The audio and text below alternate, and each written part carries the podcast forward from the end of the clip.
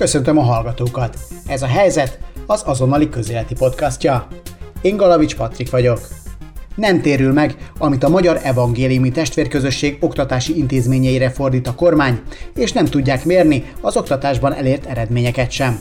Ezzel indokolta Maruzsa Zoltán köznevelésért felelős államtitkár Iványi Gábornak, a MET vezetőjének, hogy az idei tanévtől miért csökkenti felére 95 millió forintra a kormány a testvérközösség által fenntartott iskolák többlet támogatását. Hogy aztán jövőre már ennyit se adjon, végveszélybe sodorva ezzel meg annyi hátrányos helyzetű térségben lévő intézményt. A podcastban ezért megszólal Iványi Gábor, aki elmondja, látja-e még értelmét a kormányjal történő egyeztetéseknek. Maruzsa Zoltánnak nincs mozgástere, ahogy Balogh Zoltánnak se volt. És ellátogatunk a MET által fenntartott Borsod Abaúj Zemplén megyei Abaújkér Vezdi János iskolájába, amely majdnem 200 nehéz sorsú gyerek és fiatal, szinte egyetlen esélye a kitörésre, mert itt a szükségleteiket figyelembe véve foglalkoznak velük. A hátterük alapján ugyanis semmi jót nem várhatnak az élettől. Tényleg ez az egyetlen lehetőségük arra, hogy, hogy jobb jövőjük legyen, mint hogy a nyomor szélén töngődjenek. Abóikér előtt azonban maradjunk még Budapesten, ahol a Dankó utcában Iványi Gábort kérdeztük. Ő már csak a csodában bízik, ha az oktatási tevékenységük megmentéséről van szó. Ha nem jön a csoda, akkor mi lesz az oktatási tevékenységükkel? Nem tudom, és az az igazság, hogy, hogy megtanultam az eddigi életem során, hogy nem feltétlenül szabad ilyen helyzetben B-tervet készíteni, mert az élet készíti a B-tervet, és sosem, vagy nagyon ritkán lehet megsejteni, hogy mi lesz, vagy tegyük fel, hogy elkészülünk a legrosszabbra. Hát a legrosszabb az, hogy el kell engedni azt, amit eddig csináltuk. Tehát ez lehet a B terv, ha úgy tetszik, de de mondom, nem csinálunk ilyet, megtanultuk, hogy napról napra éljünk, és minden nap, amikor nem jött semmiféle hatósági ember, hogy behajtson valamit, vagy nem jött egy gonosz papír, ami tovább keseríti a helyzetünket, akkor az egy győzelemnek a, a napja. Nagyon azt veszem ki a szavaiból, hogy gyakorlatilag egy ilyen napról napra tervezés és élés folyik. Így van. Így van. Tehát van úgy, hogy éppen nem tudjuk előre, hogy aznap miből fogunk megfelelő élelmiszert venni, és akkor befut egy adomány. Mondjuk az élelmiszerbank közli, hogy megmaradt egy nagyobb mennyiségű zöldség és gyümölcs, és lehet főzni. Akik felelősséggel végeznek valami munkát, azoknak meg kell tanulniuk, hogy a történelmet és a, az események nagy részét nem mi tartjuk a kezünkben. Mi jól alkalmazkodhatunk a dolgokhoz, lehetünk a háborúban és a békében is egyaránt békepártiak, miközben mások békében is háborúpártiak. Tehát mindig az a kérdés, hogy, hogy, hogy a jó és a rossz között, vagy a rossz és a kevésbé rossz között minek az oldalára állunk oda. Mit jelent a gyakorlatban és a mindennapjék szempontjából az a 95 millió forint, amivel, amiből kevesebből tudnak most gazdálkodni? Hát feloszthatnánk ezt akár a gyerek élelmeztetés adagjaira, egy gyerek kb. 500 forintba kerül nekünk naponta. Ebből körülbelül kiszámítható, hogy az a 2500 gyerek. Az élelmezés az egyik, amin megérződhet a, a dolog. Nem fogjuk persze a konyhákat leállítani, de hát sokkal nehezebb lesz működtetni őket tovább. Hát azon kívül pedig a ahol mi porolni vagyunk kénytelenek, az ugyanúgy, mint a szegény családoknál, ahol el kell dönteni, hogy villanyszámlát fizetnek, vagy, vagy kegyeret vesznek. Tehát mi is így élünk, hogy van, aminek nem szabad elmaradnia, ez a nettó fizetés, és ez a gyógyszer és az élelmiszer, és aztán utána jönnek a járulékok, jön a jönnek az egyéni beszállítók, és a végén jönnek az állami beszállítók, és ez azért van, beszállítók, és ez azért van így, mert az az összeg, ami, amit ők követelnek joggal egyébként, az az összeg ott van, a, ott van az államnál, ott van a kormánynál. Ezt el is szoktuk mondani, hogy sokkal többel tartozik a magyar állam nekünk, mint amennyivel mi tartozunk. Akár az államnak járulék fizetés formájában, akár pedig a, a többi többi beszállítónknak, legyen az gázművek vagy elektromos művek, és így tovább. Az Orbán Viktorral valaha jó kapcsolatot ápoló lelkészhez még visszatérünk. De most irány kér, ahol először Timár Ilonával, az ottani Vezliános iskola intézményvezetőjével találkoztunk. Jó, itt van a kuka. Aki, ha kell, az intézmény vezetői teendők mellett az iskolaudvar rendben tartására hívja fel a diákok figyelmét, meg abból is gyorsan ízelítőt ad, hogy ezen kívül milyen nem szokványos pedagógusi feladatai vannak. De amikor azt mondja, azt mondom a mamának, hogy az ötödikes dohányzik. És kijövök, és látom, hogy anyuka adja neki onnan cigit. Hát akkor én mit akarok? És arról is igyekszik gondoskodni, hogy a Vezliben senki se legyen koronavírusos.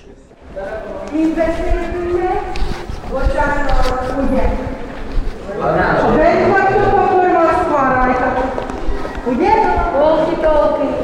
A vele készített interjúból pedig kiderül, minden oka megvan rá, hogy alapos legyen, mert rengeteg múlik a munkájukon.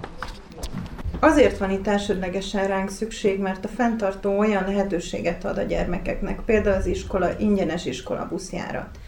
Itt a legfőbb probléma az összes iskolában az, hogy nem tudnak időbe bejutni a gyerekek.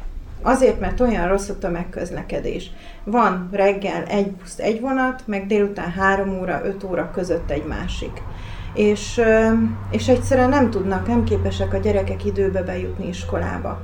Ezért vállalta már a kezdetektől fogva az intézmény, hogy egy ingyenes buszjáratot üzemeltet, ami minden reggel 240 kilométert tesz meg.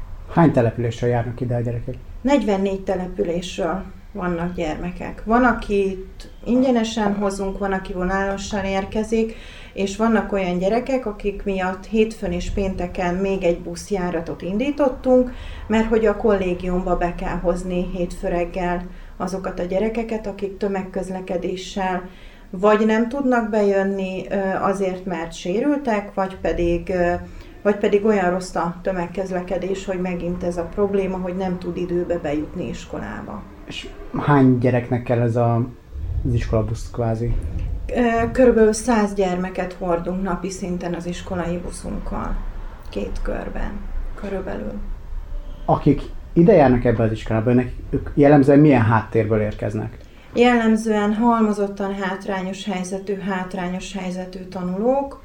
A, a tavalyi statisztikát tudom pontosan mondani, tanulóinknak 82%-a halmozottan hátrányos helyzetű tanuló volt, ami nagyjából a nappali tagozatosak 180 főjének ki kell akkor számolni, olyan 160 gyerekünk valamilyen határozattal rendelkezik. Ha ők nem a Vezlibe tudnának járni, akkor milyen lehetőségük lenne? Hova, hova mennének ők?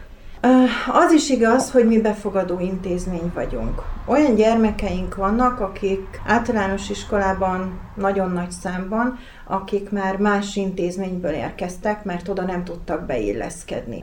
Hozzánk leginkább olyan gyerekek járnak, akik valamilyen beilleszkedési, tanulási problémával rendelkeznek. Az is igaz, hogy a nagyobb korú, tehát nem az általános iskola, hanem középiskolai korosztály szintén túl korosan érkezik a, a, hozzánk, mert nem 14 évesek a 9 beiratkozók, hanem a legtöbb már a 16-ot is betöltötte, mert nekik is valamilyen probléma volt az előző intézményben, évet ismételtek, Ezek magatartásbeli problémák? Magatartásbeli, tanulmányi beli, beli problémák, rengeteg ö, tanulási kudarccal küzdenek a mi gyermekeink, és mi felvállaltuk ö, ezen tanulóknak a nevelését. Új esélyt, új lehetőséget adni ezeknek a gyerekeknek, hogy ö, nyolcadik osztályos bizonyítványt, szakmát, érettségi bizonyítványt szerezhessenek. Ha itt nem lenne a Vezli, akkor ezek a gyerekek jó eséllyel egyszerűen kihullanának az oktatási rendszerből? 90%-ban biztos vagyok. A túlnyomó többségében szegény cigány családokból, nevelőszülőktől vagy lakásotthonokból érkező gyerekeket pedig eleve nem könnyű bent tartani az oktatási rendszerben. A mi gyermekeink figyelem tartása, ha 20 perc van, akkor az sokat mondok. Oktatásban az oktatóinknak úgy kell mindig készülni, hogy blokkokba szedik a tanítási órákat, és váltani kell a módszereken, az oktatási módszereken, és ezt óráról órára meg kell tenni, mert a gyermekek max 20 percet képesek figyelni. Utána váltani kell, vagy mozgásosra, vagy csoportmunkára, vagy bármilyen más módszerre, mert egy módszerrel egy tanítási órát itt nem lehet véghez vinni. Minek az oka? Oka a társadalmi háttér, hogy honnan érkezik a gyermek. A roma családoknál a gyermek nevelése a babusgatáson alapul. Nem szoktatják a gyermeket picikortól keretekhez, mint ahogy kellene. Nem tanítanak nekik alapvető szabályokat, hogy nem szabad tiltani, egyáltalán nem tiltanak nekik. Tehát nekem ez gyakorlati tapasztalatom, hogy hogy nem tiltják, nincs, nincs, nincsenek szabályhoz szoktatva. És mikor bekerül az általános iskolába, akkor hirtelen, amúgy is nagy váltás az óvoda és az iskola között, és nehez, nehéz az átmenet, de ha még egy gyermek, aki teljesen kötetlenül, teljesen szabadon nőtt fel, semmilyen szabályrendszerhez nem volt szoktatva, annak ez óriási törés és már innen első osztályba írtózatos hátrányjal indul. Mert, meg ke- mert valahogy nem érti azt, hogy most miért kell neki 45 percig ülnie, figyelnie, és azt csinálnia, amit a pedagógus mond.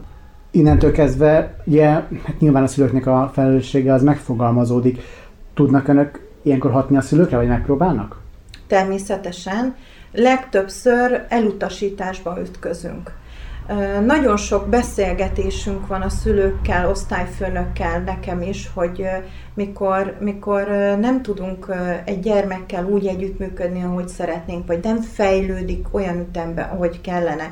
És kérjük a szülőket, leülnek az osztályfőnökök beszélgetni a, a szülőkkel, hogy hogyan kellene mondjuk egy délutáni menetrendet egy gyermek számára összerakni. Hogy pihenés és tanulás szükséges. Pihenés és tanulás és rendbe szedni.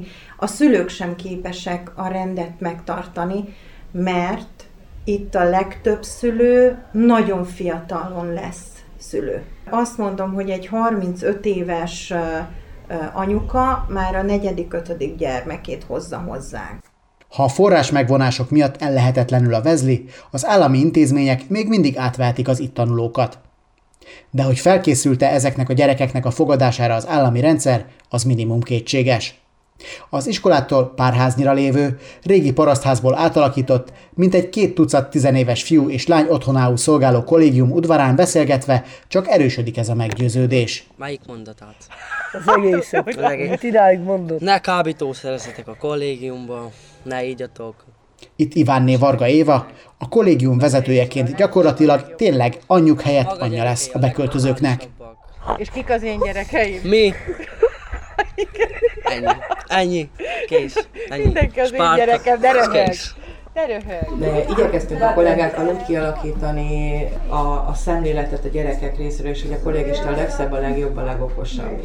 És ez büszkeséggel tölti el őket. Tehát a családokból olyan nagyon kevés pozitív megerősítéssel jönnek, tehát mikor mondom, de szép vagy, milyen bájos az arcod, vagy szép a hajad, aj nem.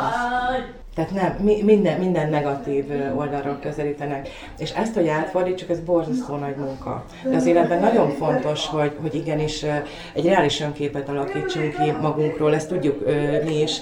Őnekik ezt meg kell tanulni, mert a családban támogatást ehhez nem kapnak. A javarészt tinédzser éveik elején járó egészséges vagy enyhén fogyatékos gyerekek nehezen nyíltak meg, de amikor megtették, nem kerteltek. A hetedikbe járó Zsolti sem fogta vissza magát elnézlek titeket azért, de Éva nagyon szeret titeket, Így meg sokat törődnek veletek, hogy azért hasonló élményed volt a, a másik sulikban? Tehát, hogy ott törődtek veletek ennyit? Soha. Milyen volt egy, egy másik suliban lenni? Hogy ott, ott, és miért Beszéljetek nem... úgy is, hogy nem kéne. Persze. Asszapó nyomorékok voltak a tanárok. Nem úgy álltak hozzám, hogy ittem. Elintették a könyvet, azt tanulják, nem segítünk, még ilyenek értik. Meg itten az kori nevelők is, a nevelők is normálisabbak jobbak. Jobb itt. Sokkal. A sajátos igényeket és a plusz foglalkozások szükségességét Timár Ilona kétségkívül szofisztikáltabban fogalmazta meg, de Zsoltira is ihetünk. A Vezliba a gyerekek sok esetben már több iskola megjárása után kerülnek. Ezeknek az intézményváltásoknak pedig rendszerint egyedi, gyakran megdöbbentő és szomorú története van. Ilyen Miklósé is. 17 évesen fogom kiállni iskolát. Ott nem jártam. Nem volt pénz kajára, még nem volt meg izé, semmi. Ezért jöttél el a családodból? Igen. Ezeket eljönnöd a családodból? Igen. Szétrombolták házunkat. Ki? Tíz cigányok, fáj. Szétrombolták a házatokat? Igen. De hogy ellopták tőletek, amitek volt, vagy, vagy mi, mi, mi történt? Izén tudja, más, más házba lak, laktunk. Izé volt öreg ember, izé unokom, unokatesemnek szapja. Ott voltunk izéni, szegény volt minden, mink vihattunk neki enni. Oda felmentünk hozzá, úgy izéni szétrombolták, fájért. Ja, hogy faházatok volt, és Nem fa, izén tudja tető. Volt fák azokat, gerendákat. Szétszették. Igen. gyakorlatilag elvitték a házatoknak a tetejét akkor. Igen. És akkor ezért kellett otthonról eljönnöd? Mi izé nem jó volt, könyvén nem volt, kajánk, pénz, annak tisztaság nem volt meg. És most tudod, hogy mi van a szüleiddel, vagy tartod velük a kapcsolatot? Tartom. Tízé jók, van, jók vannak, van házok is, csinálják házt, hogy kelljünk haza. Én nem akkor kit jó nekem nevelőszülőmnél.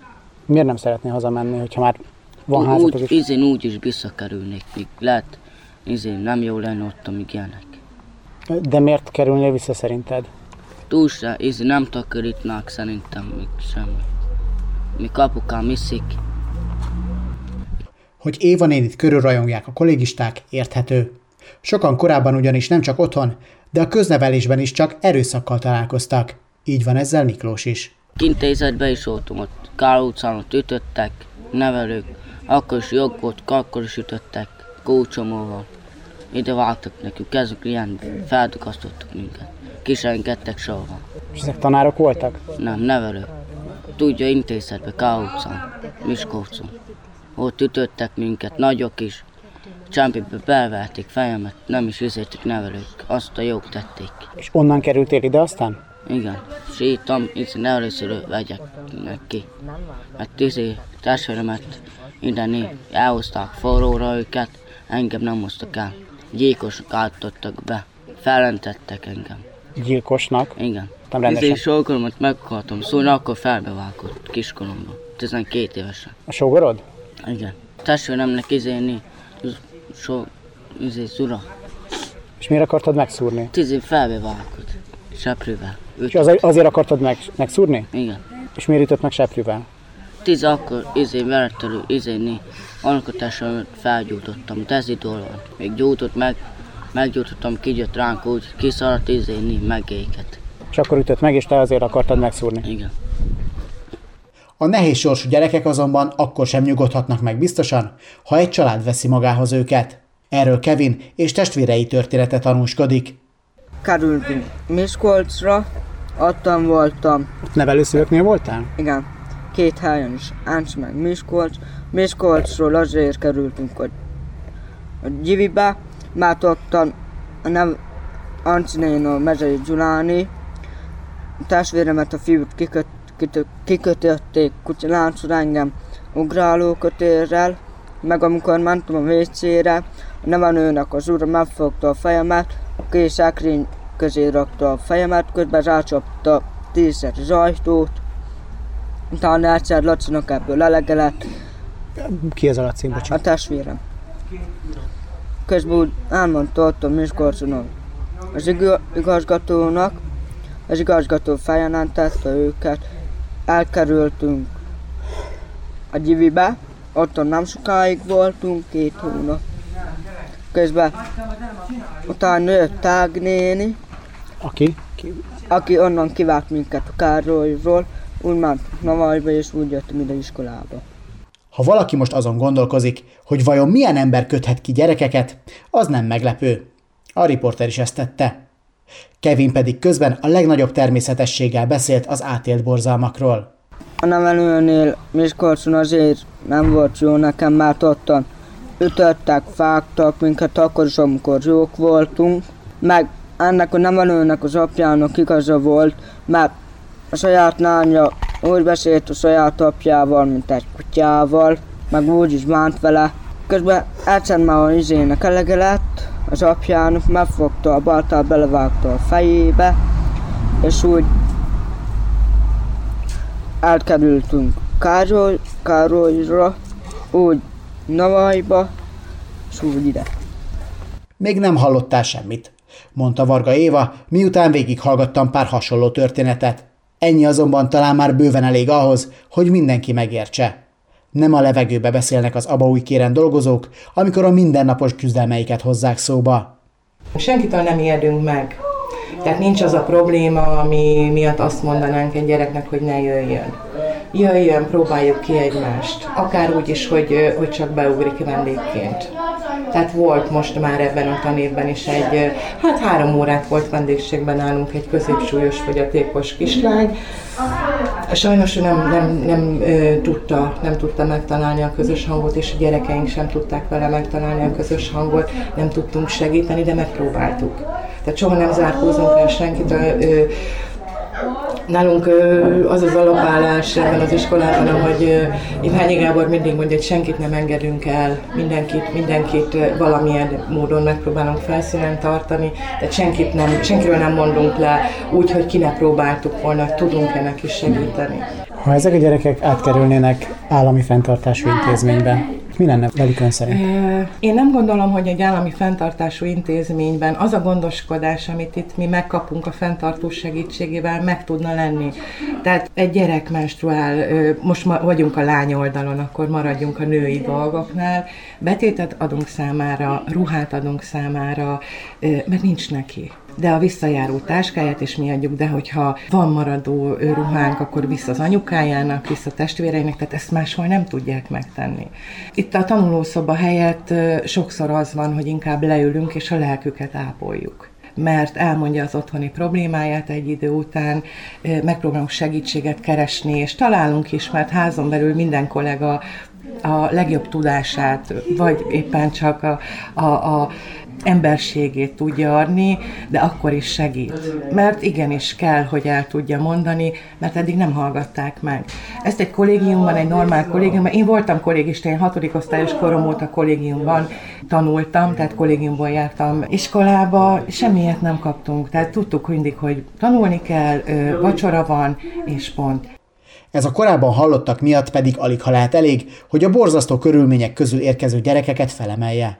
A többek között bölcsödei, általános iskolai és szakgimnáziumi osztályokban tanulók közül persze sokan a Vezliben sem tudják sikerrel venni az akadályokat, és iskola elhagyók lesznek. Bár a kormányzati érvek alapján a Vezli ellen szól, hogy a kompetencia méréseken rosszul teljesítenek a diákjaik, Timár Ilona szerint azonban náluk egészen más a siker mércéje. Vannak olyan, olyan jó sikerélményeink, hogy én mindig azt szoktam mondani, hogy gyerekek, a szak, egy szakmunkás vizsga is már hatalmas nyereség. És amikor olyan szép évvégén, mikor sorakoznak bizonyítványosztáskor, és vannak sokan, 31 bizonyítványt osztottunk most ki, 21 érettségi bizonyítványt osztottunk ki vegyesen, nappal és esti tagozaton.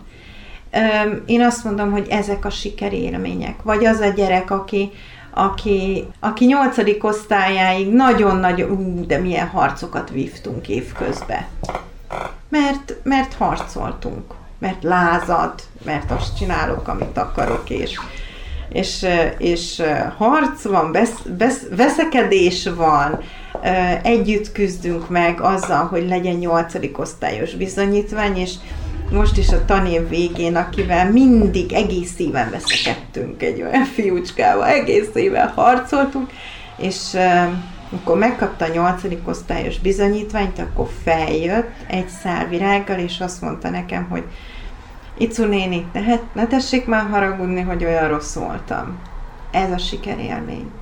Hogy eljut oda egy gyerek, akivel egész éven lázad a rendszer ellen, lázad a iskolai dolgok ellen, ő nem akar semmit csinálni, neki hagyjunk békén, miért akarom én rákényszeríteni őt, hogy tanuljon, és nyolcadikos bizonyítványát sikeresen lezárta, és feljön, és azt mondja nekem, hogy sajnálom. Ez, ez a sikerélmény. A gyerekek talán csak annyit éreznek, hogy a Vezli az első hely, ahol valóban szeretik őket, és ezt még nem kötik össze a nyomorból való kiemelkedéssel. De attól még összerezzentek, amikor megtudták. Hamarosan megszűnhet az iskolájuk. Könnyen lehet, hogy, hogy a suli az nem fog tudni tovább működni. Erről hallottatok? örökké.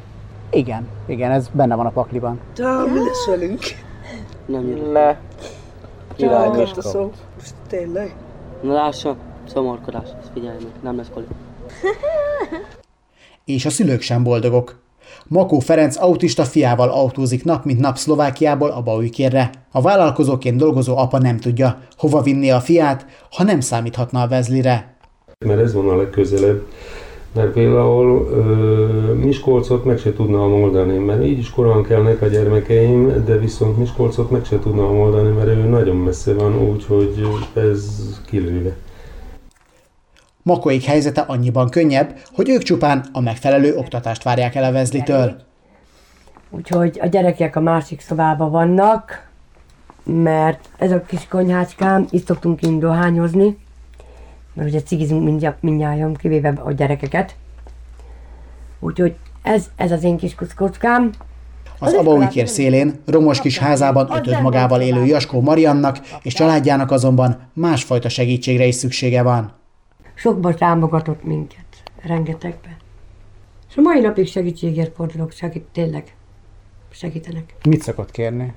Én nem vagyok az a kódus típus, mert inkább én kikerítem, kidolgozom, mert lehet látni a kezemet, most is háthazgattam. De ha nagyon-nagyon szarba vagyok, már bocsánat a csúnya szóért, akkor bizony egyedül egy tanárhoz merek fordulni Péter Editához, élelem hiányában. Én pénzt nem kértem mi, mert minek azt ki tudom keríteni, de élelem szempontjából rengeteget segített. Sokszor kell? Nem. Most már nem. Eleinte igen. A másik az, hogy mikor bezárták, volt ez a digitális oktatás, az iskolától elég sok élelmet kaptak a gyerekek. Főzni Hozták valót. ide, vagy? Nekünk kellett fölmenni az iskolába érte, és igen, sok főznivalót kapott egy szülő.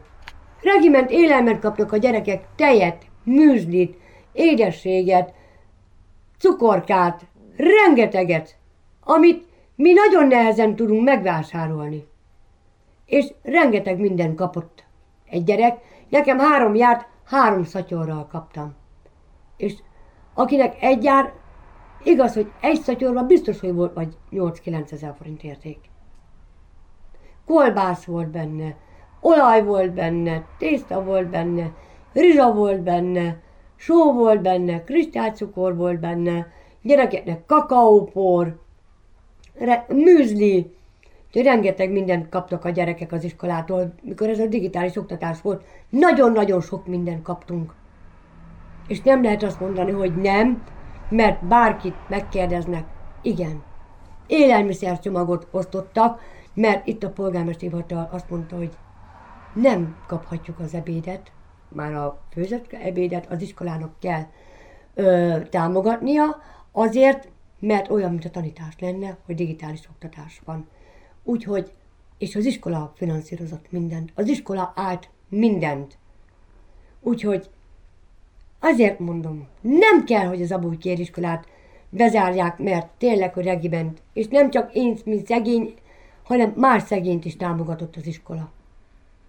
Mert nem csak én vagyok, több is. És sok szülő szerintem ugyanezt mondaná.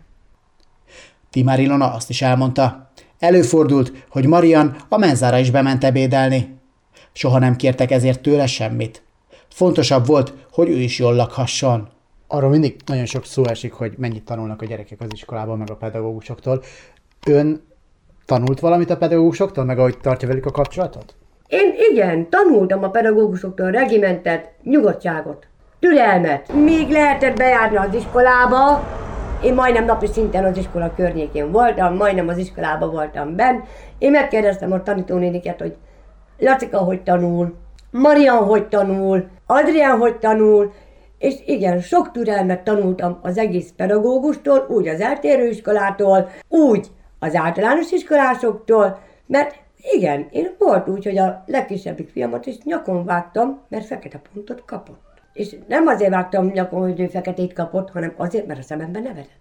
És regimentet tanultam. Ezek után nehéz észszerű magyarázatot találni arra, miért csuklóztatja a kormány a MET intézményeit. Ha csak nem tekintjük értékelhető indoknak, hogy Iványi Gábor gyakran nyíltan kritizálja a kormányt. Szabadíts meg minket az alkalmatlan és gonosz emberektől. ezek a Biblia szavai, és mi most, amikor Magyarország miniszterelnökére gondolunk, akkor ezt az imádságot vagyunk kénytelenek mondani, az Isten szabadítson meg az alkalmatlan és gonosz emberektől. Az Abaújkéri intézményvezető Timár Ilona azt mondta, szerinte kivéreztetik őket. A rossz híreket most rendszerint Maruzsa Zoltán közli Iványi Gáborral de a lelkész úgy látja, az államtitkár legfeljebb végrehajtó, és nem ötletgazda. Maruzsa Zoltánnak nincs mozgástere, ahogy Balogh Zoltánnak se volt, aki nála azért egyel magasabban volt, és nincs Kásler Miklósnak se, és, és, és, és nincs Pintér Sándornak, se senki másnak. Ugye ezek a nagy összevont giga minisztériumok az, arra kellenek, hogy ne legyenek felelős minisztériumok. És éppen ezért nekik döntési szabadságuk nincs, végrehajtják azt, amit fent akarnak, ki ügyesebben, ki kevésbé ügyesen.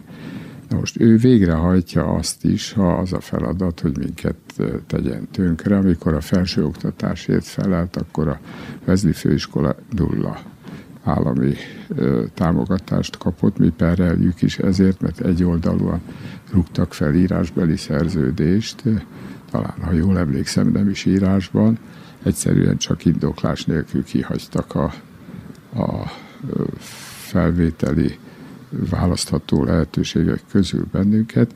Na most Maruzsa Zoltán ezen belül lehetne megengedő, vagy, vagy inkább elnézést kérő figura, aki azt mondja, hogy hát nézzék, nem tudok igazán segíteni, szívesen tenni, vagy érzékeltethetné ezt, de nem érzékelteti, mintha élvezné ezt a helyzetet, vagy szíve szerint való lenne beleállni így ebbe a dologba, és ezért sajnos az ő megbecsüléséről le kell mondanunk. Tehát nem tudjuk őt igazán nagyra értékelni, érdemeim felül pláne nem. Ez egy elegáns megfogalmazás. A gyerekek által csak Icu néninek hívott Timár Ilona is egyértelmű politikai és személyes rossz szándékot sejt a háttérben. Ez politika. Én csak azt látom, hogy van itt 180 gyerek, meg nappali tagozatos gyermek, van 80 óvodásunk, meg, meg még, még egy 60-70 fő esti tagozatos felnőtt, akinek a lehetőségét elveszik a tanulásra és a jobb életre. És elkeserítő. Elkeserítő. Ha innen a Bóikéről lehetne valamit üzenni Maruzsa Zoltánnak, vagy a, azoknak, akik ezeket a döntéseket meghozzák, mit mondanának nekik? Várom őket szeretettel, vagy két hétre, állandóra. Hogy megmutassuk azt, hogy milyen munkát végzünk, és milyen feladataink vannak. Azon kívül, hogy oktatunk.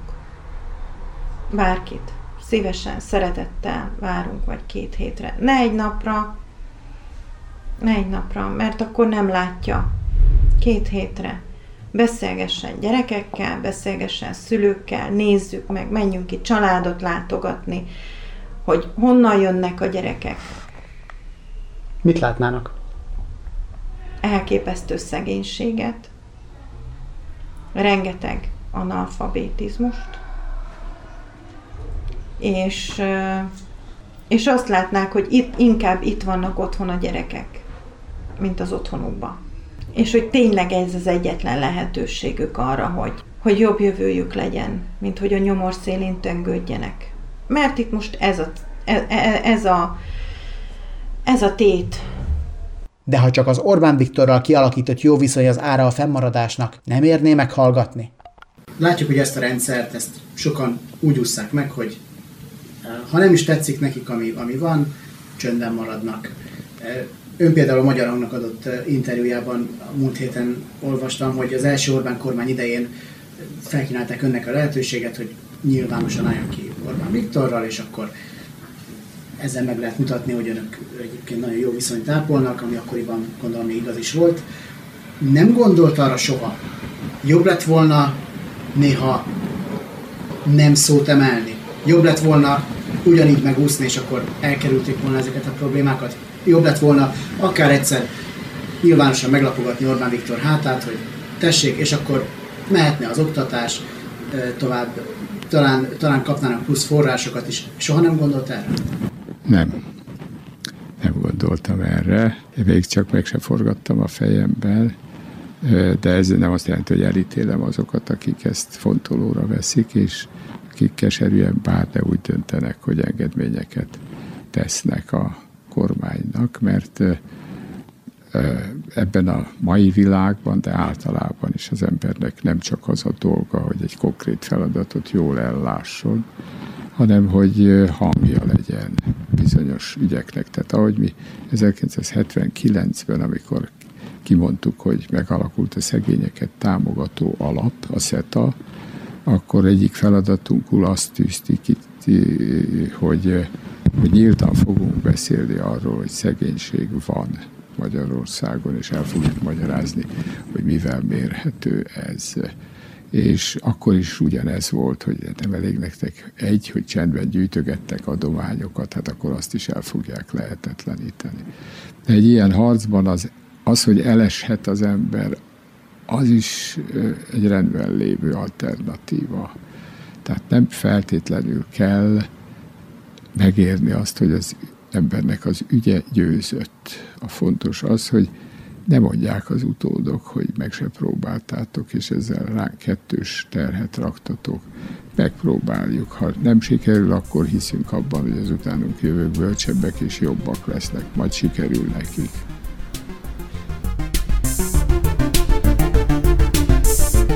Ez volt ezen a héten a helyzet.